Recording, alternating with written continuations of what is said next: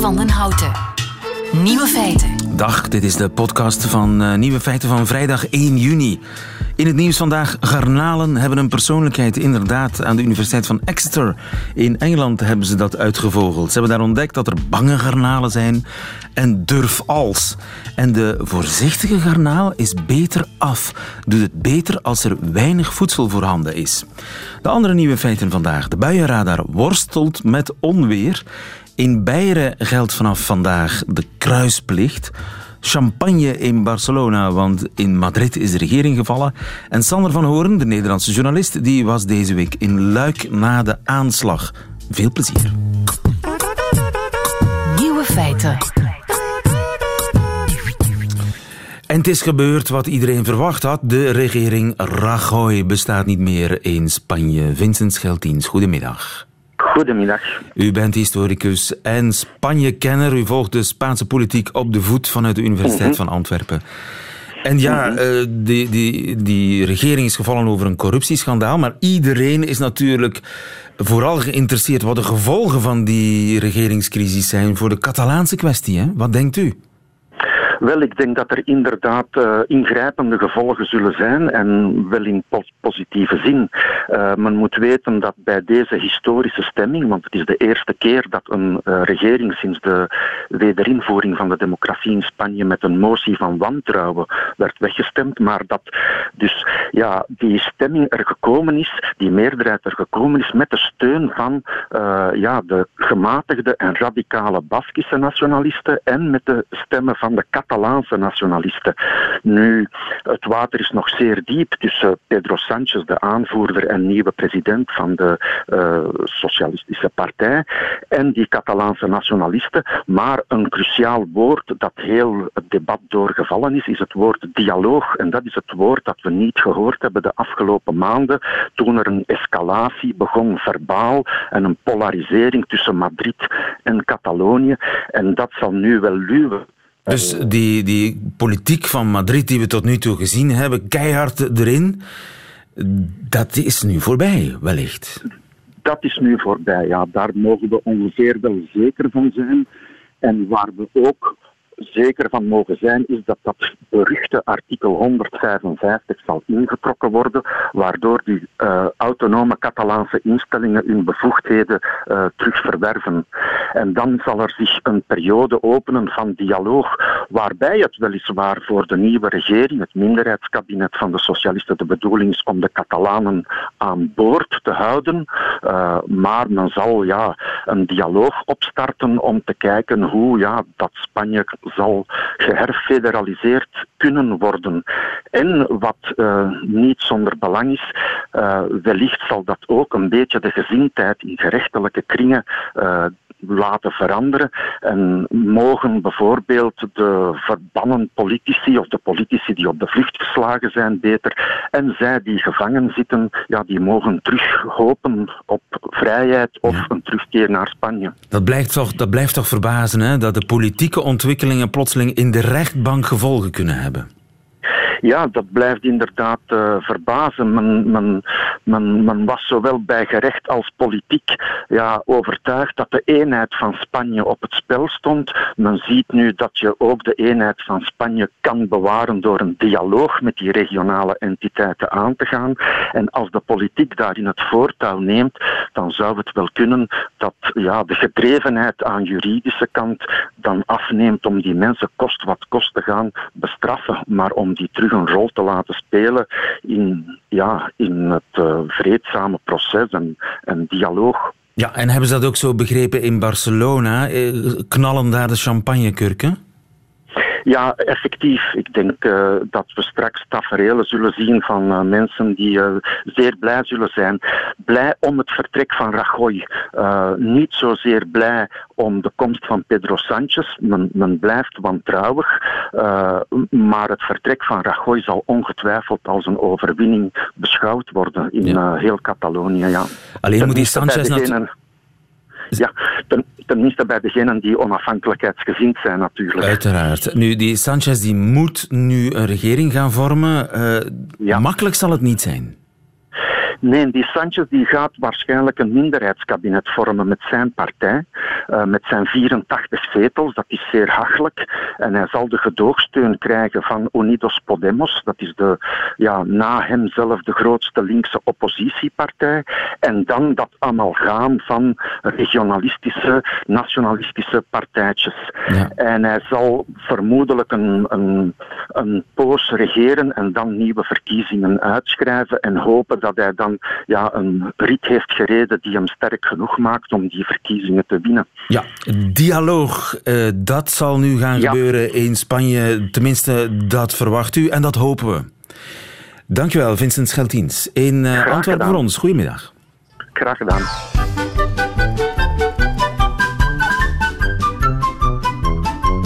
Nieuwe feiten. Kruisplicht vanaf vandaag in Beieren. Kruisplicht, u hoort het goed. In de entree van elk overheidsgebouw moet goed zichtbaar een kruis hangen. Dag Jurt. Hallo. Jurt, NRC-journalist in uh, Duitsland. Ik dacht eerst, dit is een hoax of een slechte grap of zo, maar het is echt waar. Het is echt waar. En tegelijkertijd, ja, er, er zijn al heel veel kruisen in Beieren. Hè? Dus het is ook weer niet zo'n grote revolutie. Maar betekent dat dat vanaf vandaag in het gemeentehuis een kruis moet hangen bij de ingang?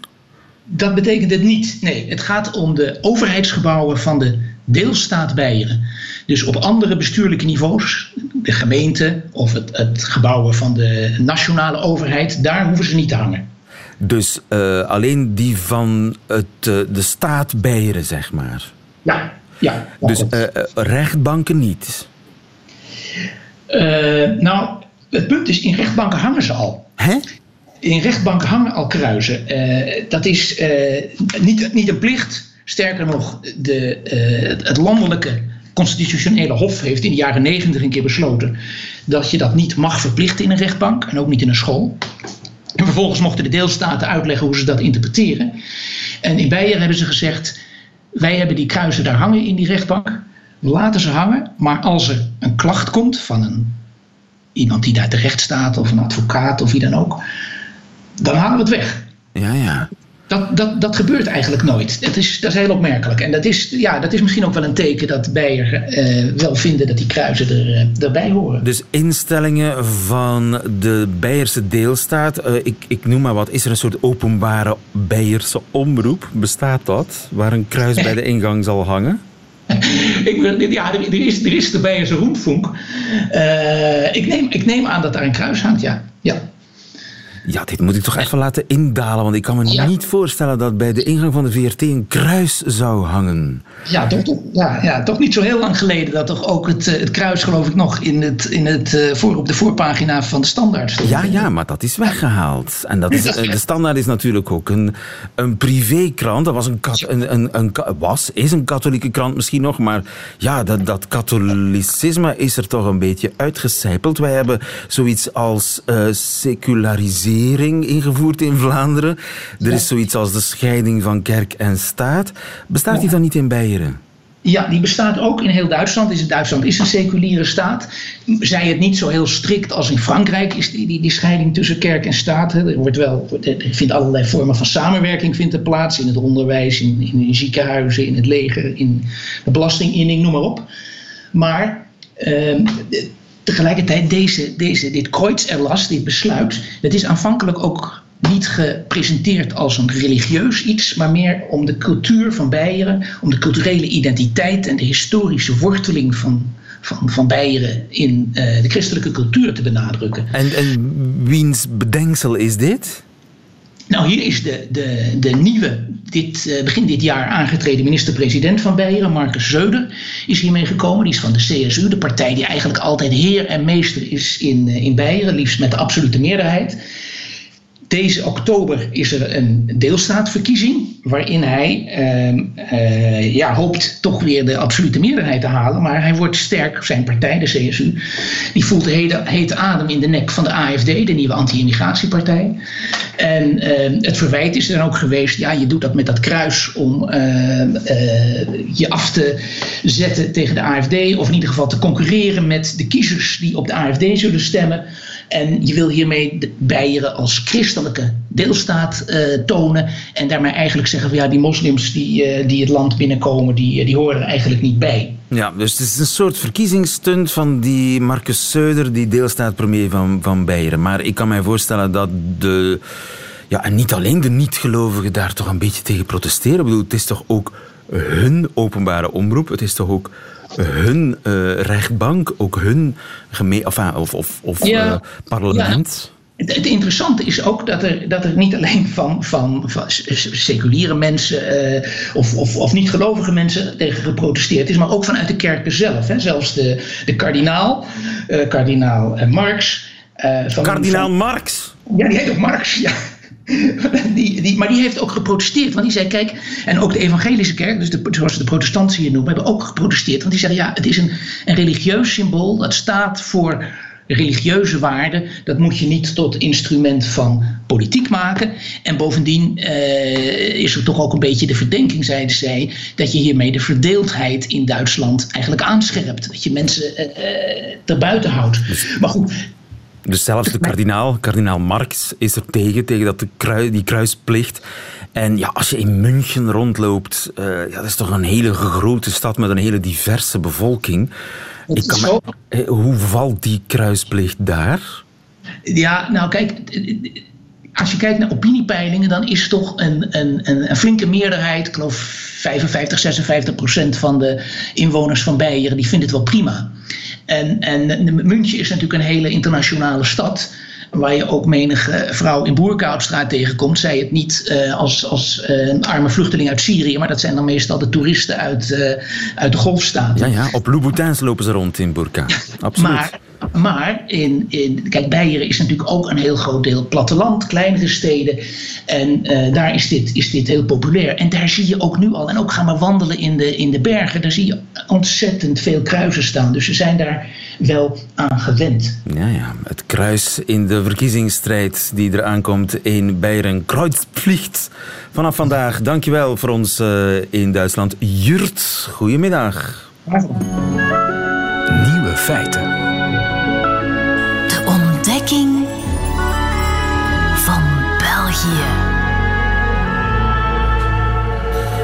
Meer bepaald door inburgeraar Sander van Horen, Nederlands journalist en nieuwkomer in België na vele jaren in Beirut. Correspondent Brussel geworden voor de NOS. Dag Sander. Goedemiddag. Wat een week hè?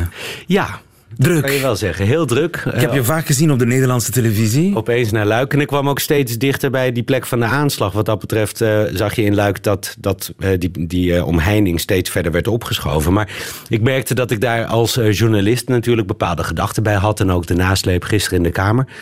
Maar toch ook wel als, als mens. Want ik heb natuurlijk in die twaalf jaar in het Midden-Oosten behoorlijk wat aanslagen meegemaakt. Um, die in Parijs en hier in Brussel natuurlijk niet, want toen zat ik daar. Maar dat waren dan vaak bomaanslagen. En dan zag je vaak dagenlang nog uh, de, paniek, uh, het, het, gedoe, een, een, een, duidelijke afzetting. Oh, maar dus mensen die met lijken aan het slepen zijn. Uh, onderzoek ter plekke, als het al gebeurde, enigszins bemoeilijkt door het feit dat iedereen er maar kriskras doorheen loopt en dingen loopt te verplaatsen. Dus die georganiseerdheid direct in de nasleep van die, van die aanslag. Ja, als journalist hoor je dit niet te zeggen, maar petje af wat dat betreft voor de Belgische uh, Petje af ja, voor de Belgen? Hoe dat in Luik gegaan is. Zeker. En dan Professioneel? Ja, en dan meteen Goed georganiseerd. ook zo'n ceremonie op dat plein. Sereen. Ja, dat is het woord wat erop uh, geplakt kan worden. Zeker als je dat vergelijkt met dat volstrekte gebrek aan sereniteit uh, in, in het Midden-Oosten. Wat natuurlijk ook een hele andere cultuur is, dat weet ik wel. Ik denk dat dit heel erg, ja, de, de vraag die wij in Nederland natuurlijk altijd hebben als zoiets in België gebeurt of in Duitsland hoe bestaat het dat het bij ons nog niet gebeurd is? Er zijn wel aanwijzingen dat dingen voorkomen zijn, maar hoeveel er voorkomen is, dat weten we natuurlijk nooit. Um, nou ja, Nederland heeft dit soort situaties nog niet. Well, jullie hebben natuurlijk eh, Van Gogh en. en... Maar terroristische, uh, islamitische terreur hebben wij nog niet gezien. En jullie dus nu al voor de, nou ja, de derde keer, vierde keer? Ja, wij zijn wat dat betreft stilaan ervaringsdeskundigen. En dat heeft zich laten zien in Luik Koning meteen erbij. Al, het, liep, het liep gesmeerd. Het liep wat dat betreft gesmeerd. En ook eh, zonder wat, wat je in het Midden-Oosten vaak ziet, is die, die, die paniek. En misschien is dat de, eerste keer hè, na Maalbeek en Zaventem was dat er wel. Maar uh, de agressie van de veiligheidsdiensten die niet weten waar ze aan toe zijn, die zich dan ook tegen journalisten kan richten. Niets van dat al. Ik was op een gegeven moment, uh, ik deed het niet eens expres, maar ik was voorbij een van die linten geraakt. Nou, in alle vriendelijkheid en, en zonder al te veel paniek werd ik teruggestuurd.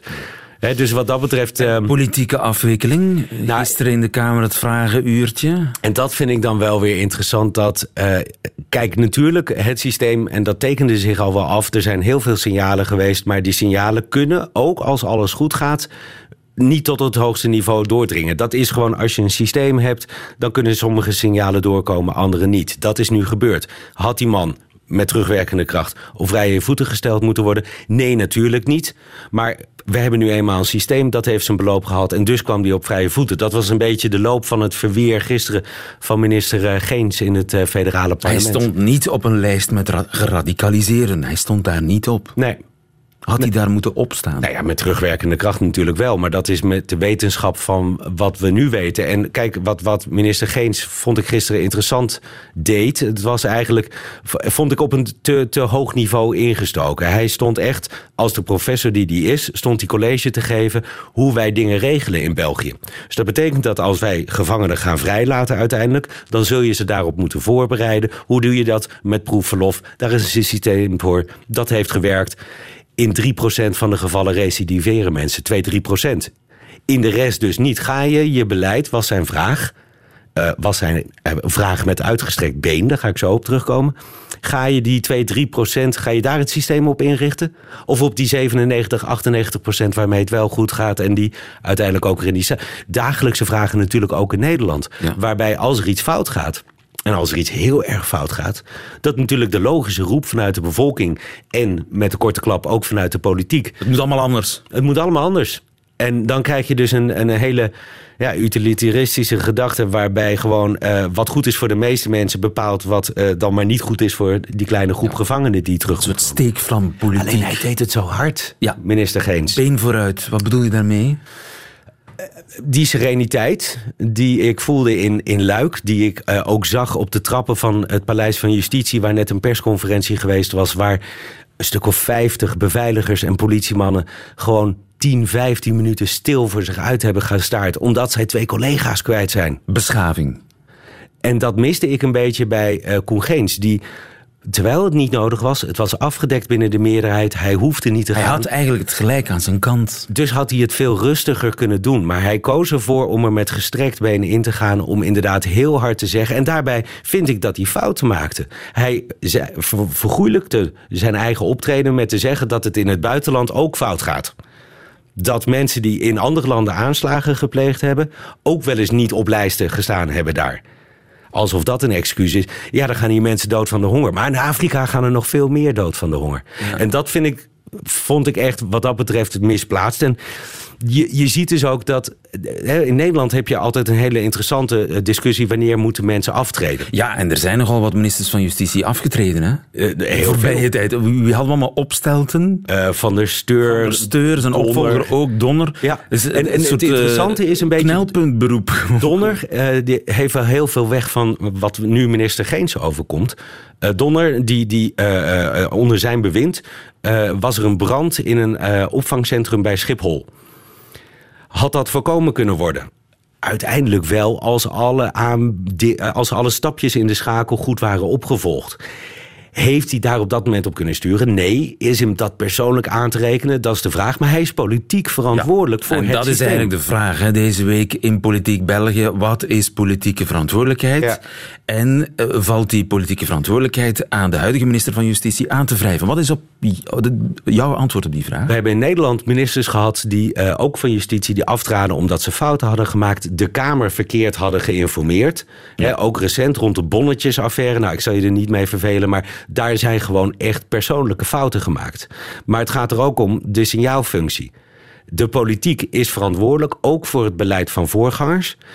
Bij grote fouten wordt die verantwoordelijkheid genomen. En daarmee stel je iets uit naar de bevolking dat je het serieus neemt. Ja, dat is, dat is politieke verantwoordelijkheid. En we hebben het gezien met minister Hennis. Die uh, trad af om iets waar ze, uh, minister van Defensie in Nederland, die trad af om iets waar ze eigenlijk niet zoveel aan kon doen.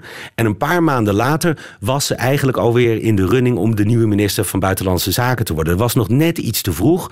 Maar minister Hennis, omdat ze aftrad uit een soort politieke deontologie, om een Vlaams woord te gebruiken die komt wel weer aan de bak. En datzelfde zou ook voor minister Geens hebben gegolden.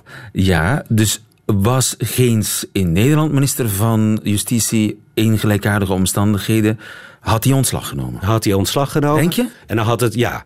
Omdat Ook al is er niet echt een, een, een fout aan te wijzen in, in zijn diensten. Maar omdat iedereen op zijn blote voeten kan aanvoelen dat er wel ergens in de structuur fouten zijn gemaakt. Dat dingen, informatie misschien wel gesignaleerd had moeten worden. Hij had gezegd: Oké, ik ben daarvoor verantwoordelijk. Mijn opvolger, want ook een minister is vervangbaar. Mijn opvolger, die mag met een schone lei. Met een schone lei ook ten opzichte van u, parlement, aan de oplossing beginnen te werken. En ik krijg straks toch een nieuwe baan. En ik krijg straks toch een nieuwe baan, want ik heb geen persoonlijke fouten gemaakt. En dat onderscheid, dat is heel belangrijk. Waarmee we aan de taaltest komen. Ja, deontologie hoef ik al niet meer te vragen. Heb je nee, heel ik goed, heb hem heel, gebruikt zelfs. Heel goed, Yes. heel goed. Maar dan toch een paar begrippen uit onze ja, wedstraatgeschiedenis. Wat zijn dioxinekippen? Oh ja, maar dat is, eh, hebben we in Nederland ook gehad.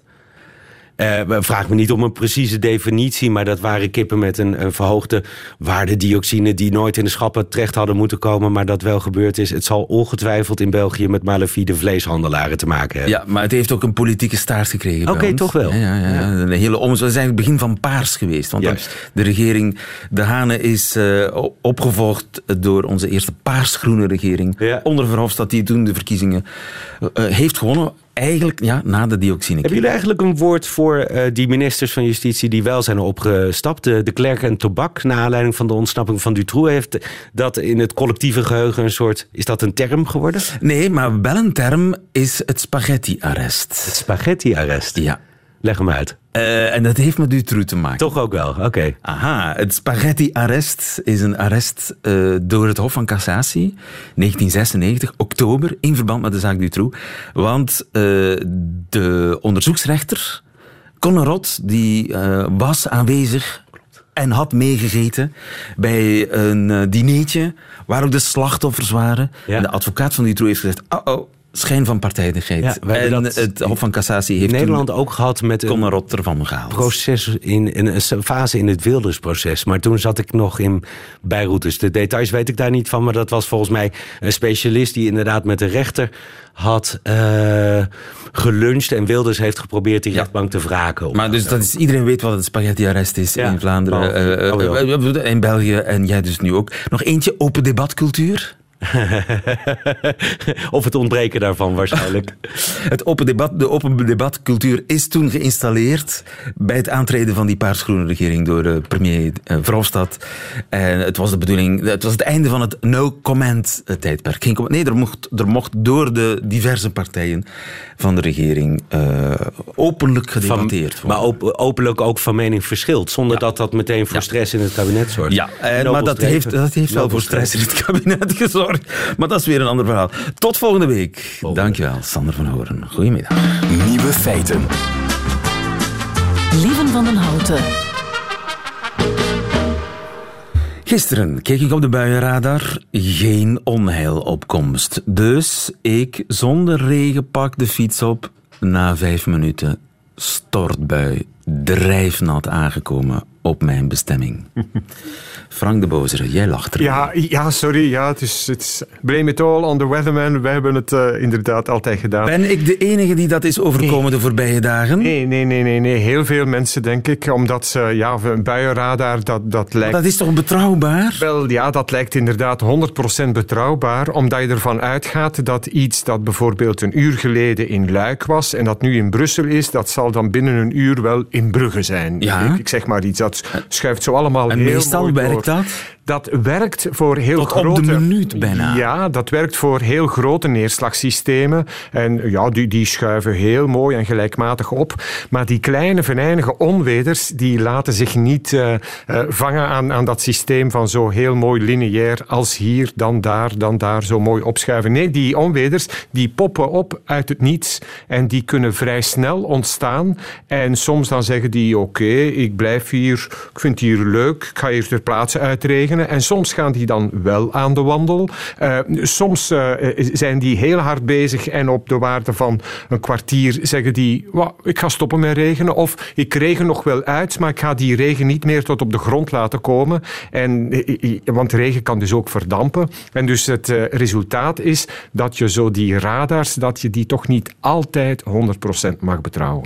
Dus als ik het een beetje begrijp met mijn boerenverstand, een gewone regenbui, die is eigenlijk windafhankelijk. Je, je weet ongeveer, er is zoveel wind uit die richting, die wolk uh, zal, staat op het uh, uithuilen, zeg maar. Ja, ja. En, en ik, ik uh, ja, voer de wind in een of andere rekenkundige formule, wind Mm. en wolkenzwaarte. En ik weet, ja, daar in Zonnebeke zal het op dat uur gaan regenen. Zo, ja, zo gaat het ongeveer, maar dan spreken we niet over buien, maar dan spreken we ook over, dan spreken we vooral over een langdurige regenperiode. En dat laat zich vrij goed voorspellen voor de eerstvolgende twee, drie Maar onweer? Uur. Maar onweer, onweer, dat, dat kan vrij snel ontstaan en, en vrij snel uh, zich gaan verplaatsen. Soms blijft dat grotendeels hangen. Vandaar dat het altijd interessant is om, als je zo'n buienradar bekijkt, als je daar op de achtergrond nog een of ander wiskundig model kan achterzetten, zodanig dat die een beetje uh, verder leert denken dan het gewoon het heel rechtlijnige, dan kan je daar je voordeel mee doen. En bijvoorbeeld uh, de weerapp van het KMI, daar zit zo een extra wiskundig model bij. En die kan dus inderdaad uh, op een bepaald moment verder laten groeien, laten ontploffen. Of als je dan in de toekomst gaat kijken, dat, dat die, die helemaal laat inzakken en dat dan op de waarde van, van uh, een kwartier of van een half uur, dat maar die daar, daar moet je toch al, meteorologisch voor hebben doorgeleerd om dat allemaal te snappen? Wel, dat is de computer die dat voor jou zal doen. Hè. Ah, ja. Jij krijgt de plaatjes te zien en die plaatjes die geven aan, oh kijk, deze lijkt te verdwijnen. Dus en... de KMI-app kan wel onweer min of meer ja, ja, ja, wij zijn iets beter dan Jullie de Nederlanders, mag okay. ik misschien wel zeggen. Ja. Het is ook al omdat de, in Nederland zijn er maar twee weerradars. In België zijn er vier. Eentje in Zaventem, Houthalen, Wiedemont en Jabbeke. En dus ja, wij kunnen ook die lokale buien toch wel net iets beter inschatten. Uh, maar de garantie is, is er niet, want nooit. onweer, onweer... Nee, ja, nee, nee, is, nee, nee, nee, nooit. Nee. Ik heb het zelf ook al uh, meegemaakt met, met onweer, dat het er uh, serieus onweerachtig uitziet op de kaart. En dus dat ik er toch zelfs Frank de Bozere heeft al een nat pak overgehouden? Dat niet meteen, nee, want ik ben ondertussen wel geleerd en ik heb altijd regenbroek, regenvest en overschoenen bij. En dus je, dat je vertrouwt valt, die dat eigen voorspelling niet. Wel, het hangt er een beetje van af, hè, maar er bestaat in feite niet zoiets als slecht weer, wel slechte kledij. En als je goede kledij bij hebt, dan ook vandaag bijvoorbeeld ben ik uh, serieus nat geworden. Het is te zeggen, mijn regenpak is dat, maar binnenin is het toch wel vrij droog gebleven. Zeker bij, uh, tijden, in tijden van onweer uh, nooit zonder regenpak de fiets op. Nee, nee, nee. Ik zou dat dus zeker vandaag nog doen. Het is op dit ogenblik nog altijd serieus aan het regenen, vooral in delen van de provincie Vlaams-Brabant, ook in delen van de provincie Antwerpen. Dat gaat nog een tijdje zo door. Maar voor de volgende dagen, ja, ik ga mijn regenpak dus niet thuis laten, maar ik zal het veel minder vaak moeten uithalen. Dankjewel, Frank de Bozere. Goedemiddag. Nieuwe feiten. Ja, Hugju, een gezongen zoentje van The Free Design. En daarmee zijn we helemaal klaar voor Linda Duits, haar nieuwe feiten vanuit Amsterdam. Nieuwe feiten. Ze zeggen dat boeken je leven kunnen veranderen. Het is ook een goede vraag om aan iemand te stellen. Zo eentje als vertel me over je moeder. Het boek dat je leven heeft veranderd zegt immers veel over dat leven. Tijdens mijn studie las ik van alles dat me raakte of inspireerde, maar dat werd nooit persoonlijk, laat staan levensveranderend. Ik solliciteerde op een promotieplek bij professor Dr. Liesbeth van Zonen. Het onderzoek moest gaan over meisjescultuur en Van Zonen is een feminist in hart en nieren. We bespraken het project en mogelijke invalshoeken. Het onderzoek sprak mij heel erg aan, maar als kind van mijn tijd, geboren in 1976, groot geworden in de jaren 90, identificeerde ik me niet als feminist. Dat gold toen als een vies woord. Ik weet het, het is nu onbegrijpelijk. Aan het einde van het sollicitatiegesprek zei ik daarom: Maar ik ben geen feminist, is dat erg? Van Zonen lachte hartelijk en dacht: Dat komt nog wel. Ze kreeg gelijk. In de eerste maanden van mijn promotie moest ik lezen. Allerlei theorieën over identiteit. En in die stapel zat het boek dat alles zou veranderen. Het boek dat mij zo wist te raken was een feministische tekst. Niet eerder had ik zo'n gevoel van thuiskomen als toen ik Judith Butler's Gender Trouble las. Zelfs mijn aversie tegen feminisme wist ik erdoor te duiden. Gender Trouble gaat over de wanverhouding tussen genderidentiteit en het ik. Het bekritiseert het idee dat er zoiets bestaat als de categorie vrouw en dat mensen in die categorie een gedeelde identiteit hebben. Volgens Butler is gender niets meer dan de herhaling van performances. We doen vrouw met de manier waarop we ons kleden, hoe we praten, hoe we ons gedragen. Mijn hele leven had ik me verzet tegen die opgelegde performances. Ik wilde geen jurken aan, smeekte mijn moeder om mijn haar kort te knippen, wilde met autootjes spelen. Het proza van Butler is bekroond slecht. Ze ontving meerdere prijzen voor haar ingewikkelde zinnen en toch kwam alles direct bij mij binnen. Ik kwam thuis in haar werk omdat ik een falende identificatie ervaar met vrouwelijkheid. Dat betekent overigens niet dat ik een man wil zijn. Ik kan uren praten over het werk van Judith Butler en dat doe ik dan ook vaak en graag in college of tijdens een lezing. En nog altijd ben ik even enthousiast. Gender Trouble veranderde mijn leven omdat ik dankzij het boek mijn leven beter begreep. En niet alleen mijn leven, ook het leven van anderen. En dat is waar het in de sociale wetenschap om draait. Theorie die ons helpt de wereld beter te begrijpen. En iedereen die mij wil begrijpen, hoeft alleen maar Gender Trouble te lezen.